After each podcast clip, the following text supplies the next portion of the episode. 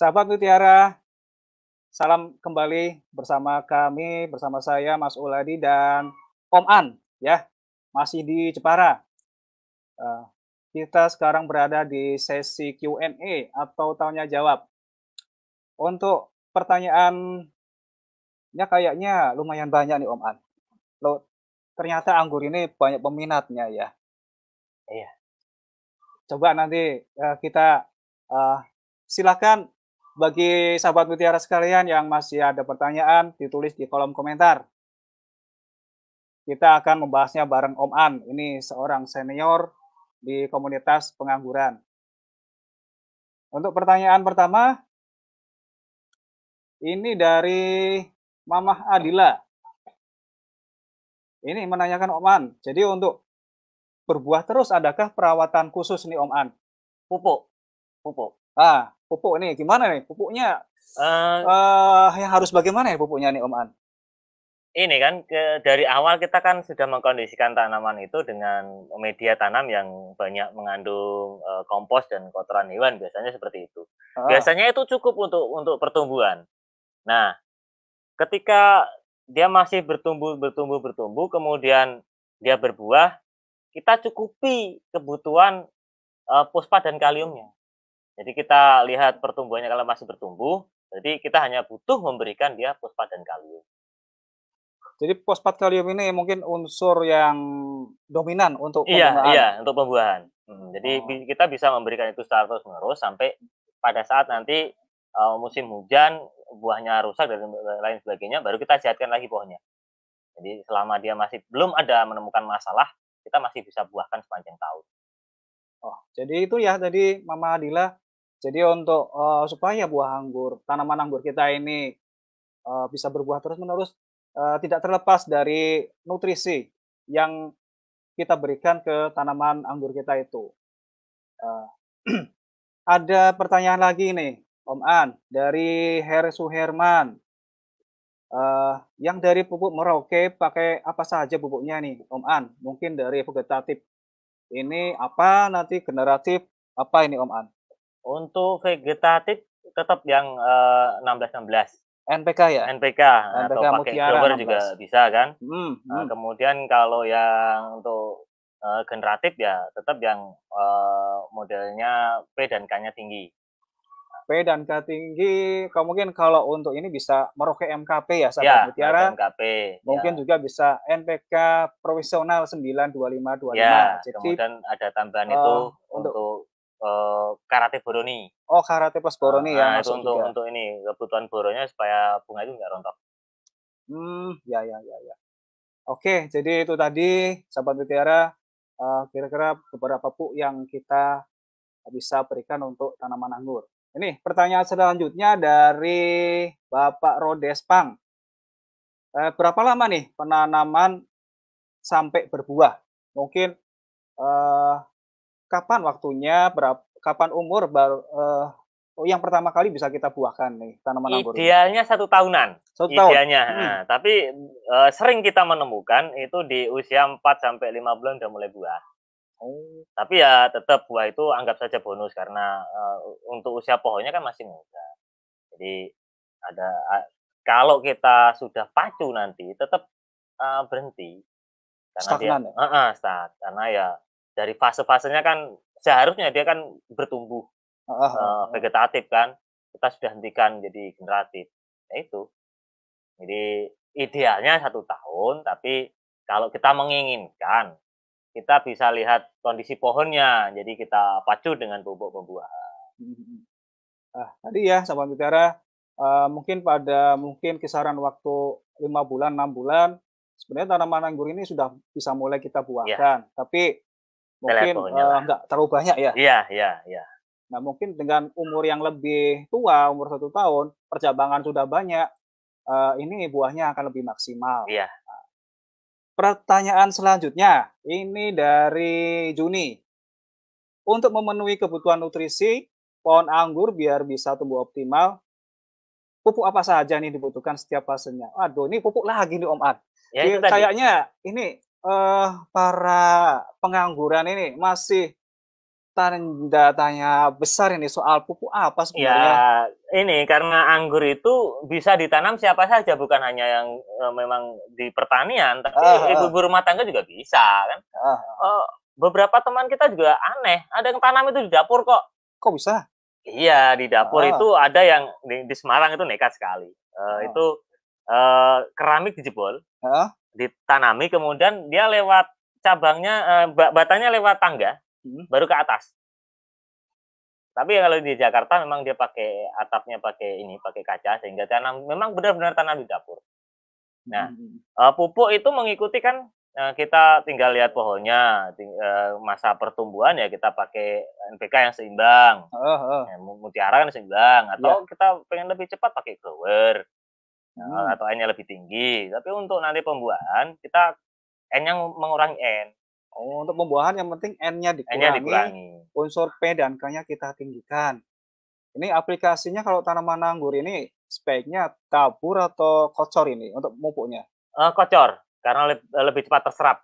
Hmm. Ya tidak ada penguapan dan lain sebagainya kan langsung langsung terserap dia. Ya, lebih oh, efektif dia uh, kocor. Oke. Itu tadi tentang pupuk lagi sahabat mutiara. Terus pertanyaan lagi dari Cahya. Untuk menambah rasa kemanisan dalam anggur, adakah pemupukan khusus ini? Kalium. Kalium ya? Kalium sulfat ya? Oh iya betul. Kalium sulfat. Iya cocok nih Om An. Jadi mungkin kalium sulfat ini uh, kaliumnya ini memang dibutuhkan untuk menaikkan Brix ya. Iya, iya. Kadar kemanisan. Iya. Mungkin warna buahnya nanti juga lebih cantik ya Om An. Iya, iya. Bobotnya nanti juga dapat mungkin. Iya. Iya. Oke, jadi untuk menaikkan uh, kadar kemanisan, ini bisa pakai pupuk kalium sulfat atau kalau mereknya dari PT Merauke, ini adalah Merauke SOP. Nah. nah, sedangkan kalau untuk ditabur bisa pakai subur kali butir. Oke, pertanyaan selanjutnya dari Bapak Asep Priyatna. Untuk mendapat untuk mendapatkan varietas yang bagus di dataran tinggi, apakah ada? Mungkin ini jenis varietas yang ditanyakan. Untuk dataran tinggi ini yang mungkin yang bagus apa tuh Aman? Uh, beauty bagus untuk pewarnaan dan rasa juga oke. Kemarin kita uh, beauty itu di musim hujan huh? dalam satu kebun ya nggak terlalu tinggi lah ya. Tapi huh? teman kita di uh, Pangalengan yang 1700 itu pewarnaan bagus juga breaknya juga tinggi. Uh, beauty Krasotka. Oh, jadi jenis beauty Krasotka. Iya. Ada varian lain mungkin dua lagi Om An biar tiga biar sahabat Mutiara bisa uh, ada alternatif. Uh, dataran tinggi kira-kira yang uh, Tran masih oke, okay. Tran masih oke, okay. transfigurasi masih oke. Transfigurasi ya. masih oke. Okay. Hmm. Uh. Kemudian uh, Veles. Veles ya? Iya. Oh iya Veles. Kalau Everest, Everest? Everest oh belum belum belum begitu banyak di di sana-sana itu. Oh, uh. Oke, jadi sahabat mutiara tadi pilihan untuk dataran tinggi bisa pilih uh, varietas Beauty Kratsoka, kemudian Veles, dan Transfigurasi. Oke. Pertanyaan selanjutnya dari Kasihin Kemson. Untuk lahan pasang surut bisa atau tidak Pak ini? ini uh, pasang surut itu air laut atau air payo? Mungkin atau lebih, air, air air sungai biasa. Mungkin ya mungkin ke lebih air ke laut ya. Air laut mungkin pasang surut. Itu kalau bisa huh? cari rostoknya dulu uh, Ramsey, Ramsey atau Salt Creek. Uh. Dia lebih toleran terhadap air laut. Nah, hmm. kadar kadar salinitas. Oh gitu. Nah, jadi kalau misalnya ya atau coba-coba lah ya yang murah-murah dulu misalnya bertahan ya pakai kalau memang nggak kuat ya kita pakai yang ramsey itu. Jadi mungkin uh, sahabat mutiara untuk kita tanam dengan kondisi yang pasang surut dari Om An harus ada harus kita harus punya rootstock tertentu ya, ya yang adaptif yang mungkin bisa tumbuh baik di keadaan yang pasang surut. Tadi disebutkan ada rootstock uh, ramsey terus atau salkrik itu salkrik nah nanti baru setelah rootstock yang kita tanam ini tumbuh nanti kita grafting dengan varian, pilihan kita lah. pilihan kita ya. yang mau kita tanam gitu. Demikian. Uh, ini ada lagi pertanyaan dari Mutiara Hidroponik. metan ini mungkin media tanam yang benar benar-benarnya buat anggur. Uh, ini mungkin karena ada pengalaman mungkin sebelumnya ya, ya. karena dia tanam di media tanam yang ini mungkin nggak tumbuh bagus, terus ganti lagi. Nah, kira-kira yang paling pas ini apa nih, Om An, media untuk anggur ini?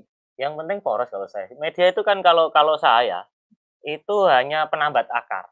Hmm. Jadi katakanlah kita pakai pecahan genteng, pakai batu, pakai hidroton, pakai apa, itu kan hanya untuk biar dia tidak roboh saja kan. Uh, Dengan katakanlah kita nutrisi yang secara terus-menerus, misalnya pakai guyur atau hidroponik. Hmm. Ya sama saja kan. Cuman ketika dia media ada kandungan tanahnya, ketika air menggenang di situ ya busuk. Anehnya kan di situ. Hmm. Tapi kalau misalnya media hidroponik yang dia tidak ada unsur tanah, uh? itu mau eh, tergenang juga dia nggak ada masalah. Hmm. Karena kita hmm. pakai pakai paket itu uh, kemudian pakai hidroton, ada yang pakai itu kan di uh, Pontianak. Hidroponik. Jadi kalau uh, beliau ini pemain hidroponik, ya kita mainkan hidroponik saja. Ada itu yang di sana penelitian di Italia itu, itu di uh, apa ya Lorenzo apa itu? Adalah nanti linknya kalau misalnya uh, berkenan. Oke, mungkin uh, tadi untuk media tanam yang penting adalah sifatnya poros. poros Jadi ya. tidak uh, menyimpan, menyimpan air, air terlalu lama karena akar anggur ini sangat sensitif kalau dia kebanyakan air, ya. udah cepat busuk ya. Iya, iya. Uh, uh, demikian, ada lagi nih pertanyaan? Ah, ada. Ini Om An dari Jaya Aziz. Apakah bisa bersamaan cari ap cara aplikasi pupuk MKP dan Kalinitra Merauke? Bisa. Bisa ya? Bisa, bisa. Hmm. Ya. Uh, bisa ini Pak Jaya ya, karena MKP dan kalinitra ini unsurnya kalium, fosfat, dan nitrogen. Jadi dia bisa digabung. Kalau mau dikocorkan silahkan, mau disemprotkan juga silahkan ya. Iya. Kecuali kemudian kalau ada unsur kalsium, dia ketemu dengan fosfat, nah itu akan mengendap. Ada pertanyaan lagi? Ada lagi, ini dari Bapak Derman Dekers. Kalau anggur rasanya asam, bagaimana penanganannya, Pak? Nah, ini pertama varietasnya dulu, Pak. Iya. Pertanyaan varietas dulu. Kalau katakanlah kita yang dapat ya ada ada uh, eh, RM, Red Master itu, ya asam lah. Itu kan varian rostock sebenarnya. Ya. Tapi kalau varietas-varietas stable grape atau wine grape, itu ya kita tambah itu pupuk uh, kaliumnya. Oh, kalium ya. Nah, yang hmm. sulfat yang lebih ini. Kalium sulfat. Kita tadi berarti harus dilihat dulu ya, uh, varian apa yang kita tanam. Hmm. Nanti bisa dilihat di deskripsinya biasanya. Iya. Uh, apakah ini memang varietas yang bisa memiliki genetik dia manis sehingga ya.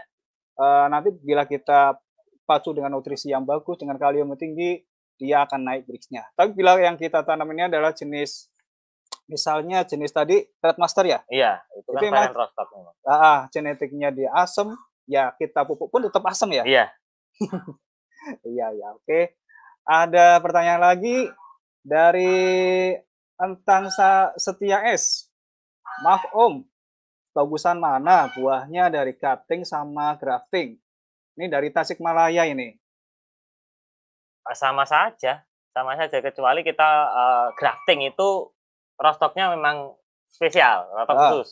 Ah. Jadi ada ada uh, spesifikasi rostok itu dia istilahnya bagus un, penyerapan unsur uh, unsur pupuk tertentu misalnya. Ah. Jadi katakanlah kalau dia penyerapan terhadap unsur fosfat kaliumnya bagus, rata-rata hasilnya manis.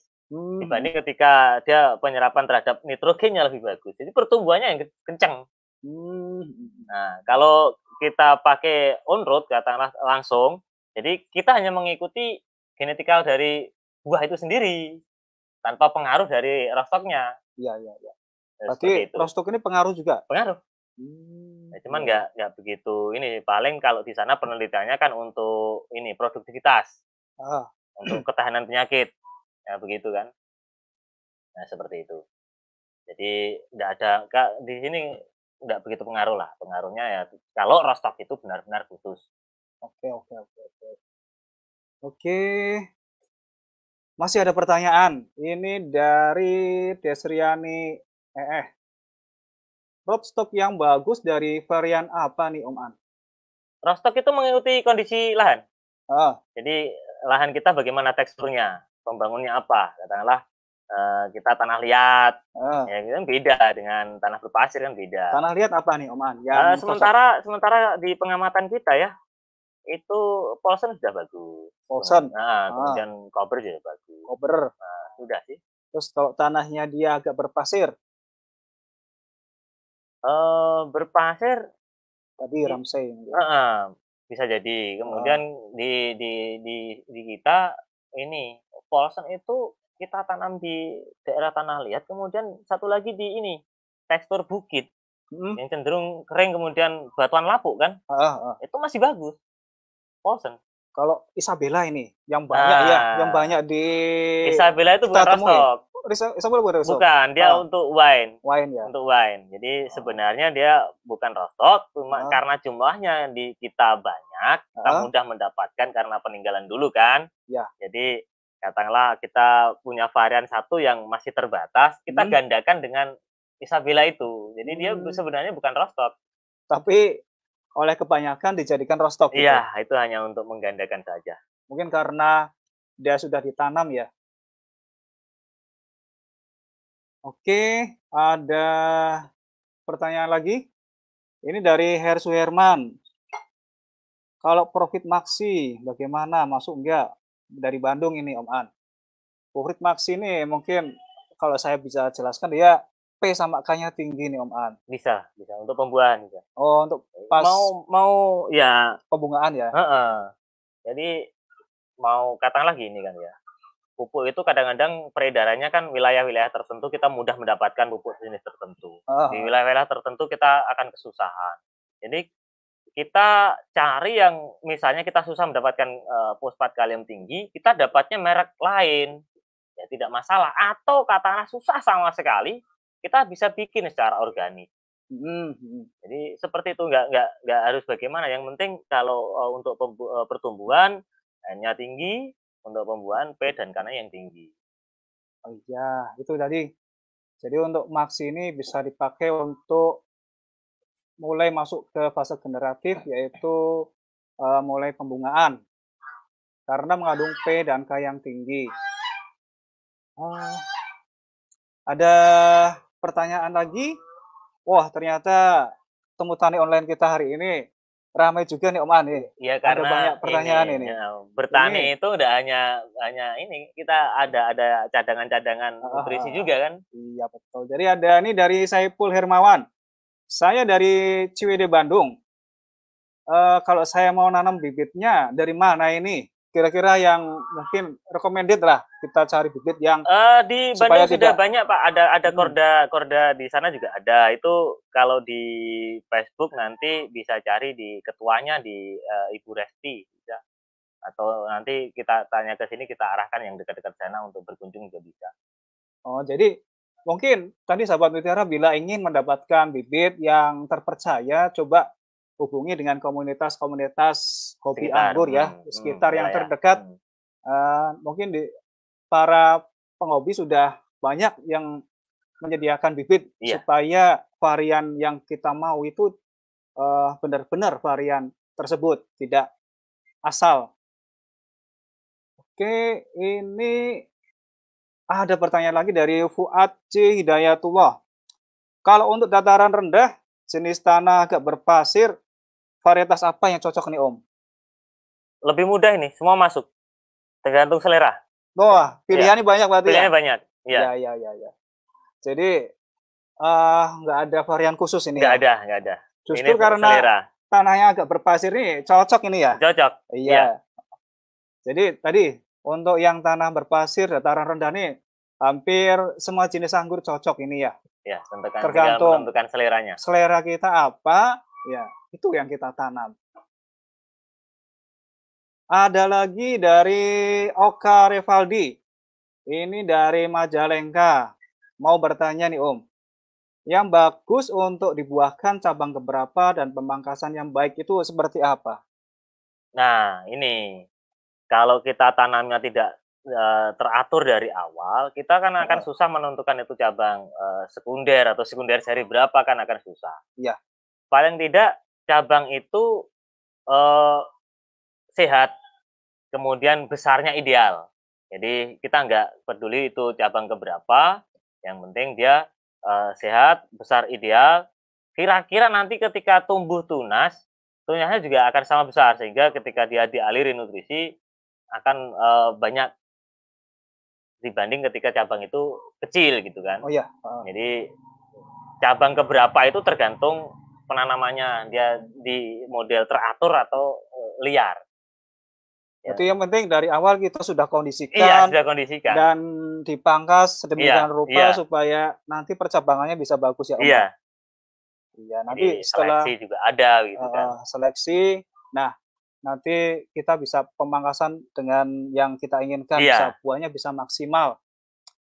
Oke. Wah, ternyata ini ada lagi nih dari Pak Beri nih. HPT apa nih yang sangat sulit dikendalikan untuk tanaman anggur ini Om An? Yang paling bandel? Kutu perisai. Oh, itu hamanya kutu perisai. Uh, kalau untuk penyakitnya? Iya. Uh, kalau untuk jamur yang kita harus lebih rutin untuk. Oh, kalau tadi kutu perisai ini gimana nih penanganannya pakai apa nih Om? Ini karena dia ngumpet. Huh? Dia ngumpet. Dia kadang-kadang nggak terlihat. Kadang-kadang di ini di batang utamanya hmm. itu kan ada kulit-kulit mati. Kadang-kadang dia ngumpet di dalam. Hmm. Itu harus ada pembersihan secara berkala. Harus cara manual ya? Ah, manual. Oh. Kalau di sana-sana dia disemprot dengan uh, ini tekanan tinggi. Hmm, ada ini insektisida atau apa? Uh, kita pakai abamectin. Abamectin ya. Abamectin. Itu secara secara umum ya. Kalau oh. secara uh, dapet ya kita tingkatkan ke yang lain. Tidak klorid atau apa, tapi demolis masih bisa lah. Kalau untuk penyakitnya tadi jamur apa yang yang paling bandel? Jamur embun tepung buat tepung ya? Ya, nyamar soalnya. Ya, kemudian kerusakannya juga lebih parah dibanding uh, jamur karat. Hmm, hmm, hmm. Oke, jadi jamur ya. Wah, ada pertanyaan lagi nih Om An. Banyak sekali nih hari ini kita temu tani online ada banyak pertanyaan. Jadi terima kasih sahabat mutiara sekalian. Jadi dari Kang Yadi, untuk jarak tanam anggur kalau open field berapa pohon bibit yang dibutuhkan nih Om An? Mungkin uh, jarak tanam nih yang Jarak Ideal. jarak tanam itu eh, dua meter dua setengah meter. Jarak antar barisan tiga meter. Oh tiga meter. Iya, jarak antar barisan. Hmm. Jarak per barisnya eh, dua meter cukup atau dua setengah. Jadi per hektar sekitar populasi mungkin ini ya sekitar tiga ribuan ya. Iya, tiga ribu empat ribu. Hmm. Itu tadi uh, masih ada pertanyaan. Oke, ini dari Entang Setia S. Uh, benarkah uh, Rodstock Red Master ini lebih bagus buahnya daripada Isabella ini? Ternyata udah pengalaman nih hmm, Bu Entang ya. Udah tahu Rodstock Red Master. Tidak juga. Enggak juga. Enggak juga ya, Oman? Nah, itu kalau belum ketemu ini uh, Red Blood Leaf oh. disease. Hmm, Red Master itu? Oh iya, kita sering menemukan itu.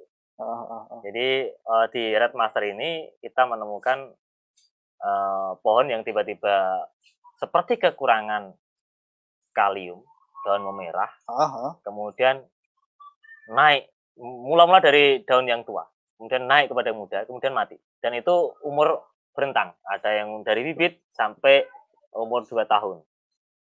Kita menemukan itu. Dan kita belum tahu penyebab pastinya. Hmm, oke. Okay. Tadi mungkin nggak belum tentu ya Red Master ini bisa belum, lebih belum, bagus belum. dari Isabella. Belum tentu. Kembali ke perawatan juga. Iya, perawatan. Ada lagi dia dari Breka Pumian yang menanyakan apa keunggulan kekurangan antara bibit grafting sambung pucuk dengan yang dari stek langsung ini. Yang paling unggul tentu saja kalau grafting mau sambung pucuk apa apa dia grafting dari cutting atau apa tetap pada rostoknya. Oh ya. Oh. Tetap yang bagus adalah rostoknya, bukan hmm. bukan dari bukan, bukan bukan dari caranya. Dari rostoknya yang bagus. Hmm. Kalau tadi cutting tanam langsung itu berarti kan dia on road, dia on road, ya, nggak ya, pakai rostok ya. ya. Dia malah ini kalau kalau on road itu nggak ada campuran apa pun, ada campuran dari pengaruh katakanlah genetika yang lain nggak ada. Hmm. Nah, cuman kan dia ini dia kan sebenarnya produsen, bukan pencari makan. Hmm. Jadi rostok itu pencari makan. Dengan adanya rostok ini mendukung, mendukung, mendukung di, yang nah, varian ya, yang di atas ya. ya. Iya. Nah, cuman ya tetap seperti itu bahwa e, katakanlah produsen itu dia hanya memproses apa pun yang dia dapatkan dari rostok itu. Iya. Katakanlah rostok itu penyerapan terhadap unsur nitrogennya bagus, berarti nitrogen yang dimasak oleh itu kan kembali nanti itu. pengaruhnya ke iya, varian iya, yang di atas iya, ya. Iya. Kalau on kalau on road ya apa sifat adanya, genetiknya dari sifat genetiknya dapat. Iya. Oke. Uh, ada lagi dari Bapak Rizal Habib Herlena. Pemberian nutrisi pada anggur dataran tinggi, dataran rendah apakah berbeda? Terus apakah setiap jenis anggur juga berbeda kebutuhan nutrisinya ini? Iya, berbeda, berbeda. Kalau dataran tinggi, dataran rendahnya itu uh, gini, katakanlah kalau dataran rendah, tentu saja mataharinya lebih banyak. Iya, betul. Nah, tentu saja yang dimasak juga banyak. Hmm. Jadi kalau uh, kompor gede yang dimasak sedikit, ya tetap cepat habis kan iya, nutrisinya. Nah, jadi harus lebih banyak. Berarti ya, harus banyak itu. nutrisi yang diberikan pada tanah iya, dataran nah, nah ya? itu juga pengaruh pada ini kok pematangannya lebih cepat di daerah yang panasnya lebih dapat kan? Iya. Betul. Atau atau saja misalnya gini, ini musim musim panas di uh, kemudian di tempat yang sama ya. Hah? Kemudian buah di musim hujan itu mundurnya kira-kira 10 hari lebih. Hmm. Matangnya. Iya, iya, iya. Jadi lebih cepat matang ketika musim panas. Iya, iya, iya. iya. Oke. Oke, sahabat mutiara sekalian, tidak terasa ini waktu satu jam lebih ya kita sudah berbincang.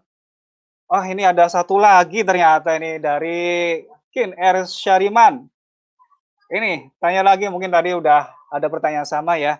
Jadi varietas yang cocok untuk wilayah dingin ini uh, dataran tinggi ya. Tadi udah disebutkan ya. Ini Pak Kin ya. Tadi bisa pakai varietas beauty, terus Veles, ya. Terus Tensan atau Tensan. transfigurasi. Ya. Ini nanti untuk dataran tinggi yang mungkin uh, suhunya lebih dingin. Ada lagi dari Tio Setio ini. Kalau unsur-unsur fosfat sama kalium buat pembuahan udah dibanyakin tapi kok buahnya kurang maksimal. Apakah ada kemungkinan kurang unsur mikro ini? Om Bisa An? jadi, ya kan hmm. katakanlah kimia itu kan kadang-kadang memang dia bisa bekerja sendiri, kadang-kadang ada pengaruh dengan kimia yang lain kan. Uh. Jadi bisa saja katakanlah di situ uh,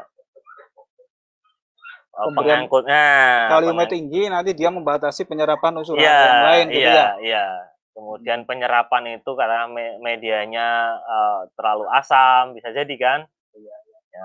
Ya, sehingga unsur itu tidak terserap bisa jadi. Jadi kemudian akarnya bermasalah dan lain sebagainya kan banyak iya. faktor di situ. Ya mungkin banyak faktor ya sahabat mutiara kita bisa lihat dari mungkin dari medianya pH-nya bagaimana yeah. sudah sesuai betul yeah. atau belum. Terus pemberian nutrisinya bagaimana, apakah sudah berimbang? Karena kalau salah satu unsur uh, berlebihan itu ada kemungkinan untuk membatasi penyerapan unsur hara yang lain.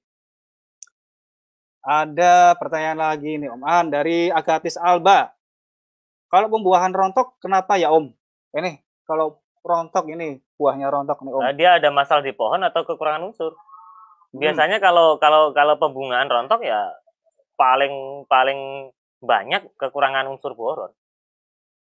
Hmm, jadi mungkin pas dia pembentukan ya, uh, ya. calon buah boronnya kurang, ya. jadi begitu jadi pentil jadi rontok ya. ya. Karena uh, mungkin boron ini juga un untuk meningkatkan kesuburan uh, bunga. Iya. Nah, jika kurang boron ya mungkin nanti ke depannya buah yang terbentuk juga akan rontok. Iya, hmm. kemudian kan e, kalau kalsium ada pengaruh? Ada pengaruh juga. Kemudian ini kesehatan tan, e, pohon itu sendiri juga. Ya, kemudian cekaman alam. Oh ya, mungkin cekaman alam ya mungkin ya. bisa kekurangan air. Iya. Kelebihan air pun juga bisa ya, pengaruh. Iya.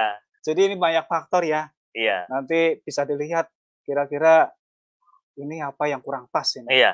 Nah. Dari Bapak Rafli Fertiansah. Ini isintanya nih Om. Uh, pupuk SOP Merauke berapa gram pemakaiannya ini dari Lembang ini. Uh, SOP ini kalian tadi kalium sulfat nih Om. Biasanya untuk semprot daun ini uh, berapa nih Om An? Uh, mengikuti ini saja, mengikuti petunjuk pemakaian di ini di kemasan. Uh, Jadi katakanlah uh, kita lihat hasilnya. Hmm. Kalau hasilnya belum begitu signifikan dari sebelumnya, sebelum aplikasi, dosis kita tambah. Oke. Biasanya nih ya Pak Ramli untuk uh, foliar itu kita pakai dosis 2 sampai 3 gram per liter. Sedangkan untuk kocol kita pakai bisa 5 sampai 10 gram uh, per liter untuk dosisnya. Kemudian Uh, Oke, sahabat Mutiara, uh, demikian bincang-bincang kita hari ini uh, bersama Om An, seorang senior di komunitas pengangguran dari Jepara. Uh, dapat saya simpulkan bahwa dari obrolan kita sebenarnya uh, untuk menanam anggur ini masih prospeknya masih sangat bagus sekali. Ya, terus juga kelebihannya bahwa anggur ini juga ditanam tidak memerlukan lahan yang luas. Jadi dengan hanya di lahan pekarangan pun kita sudah bisa memetik buah dan menanamnya dengan uh, baik. Mungkin beda halnya bila kita ingin mengembangkan di skala luas, tentunya banyak uh, persiapan yang harus kita lakukan. Uh, demikian sahabat mutiara, jangan lupa untuk uh, di, apabila video uh, temu tani online ini bermanfaat, silakan bagi dan share sebanyak mungkin di media sosial Anda. Dan juga jangan lupa untuk subscribe dan pentung tanda lonceng dari channel YouTube kami, NPK Mutiara TV, supaya sahabat Mutiara sekalian tidak uh, tidak ketinggalan uh, tentang info-info tentang pertanian yang uh, akan kita berikan dan juga uh, untuk memberikan kita lebih semangat supaya untuk uh, membuat video-video yang baru lagi. Terus juga jangan lupa like Facebook kami Merauke Tetap Jaya, follow Instagram kami Merauke Tetap Jaya, dan gabung di komunitas uh, di Telegram komunitas NPK Mutiara juga di Telegram Hidroponik Mutiara. Apabila sahabat Mutiara sekalian memang senang hobi berhidroponik. Stay healthy, jaga jarak dan salam Mutiara. Salam Mutiara.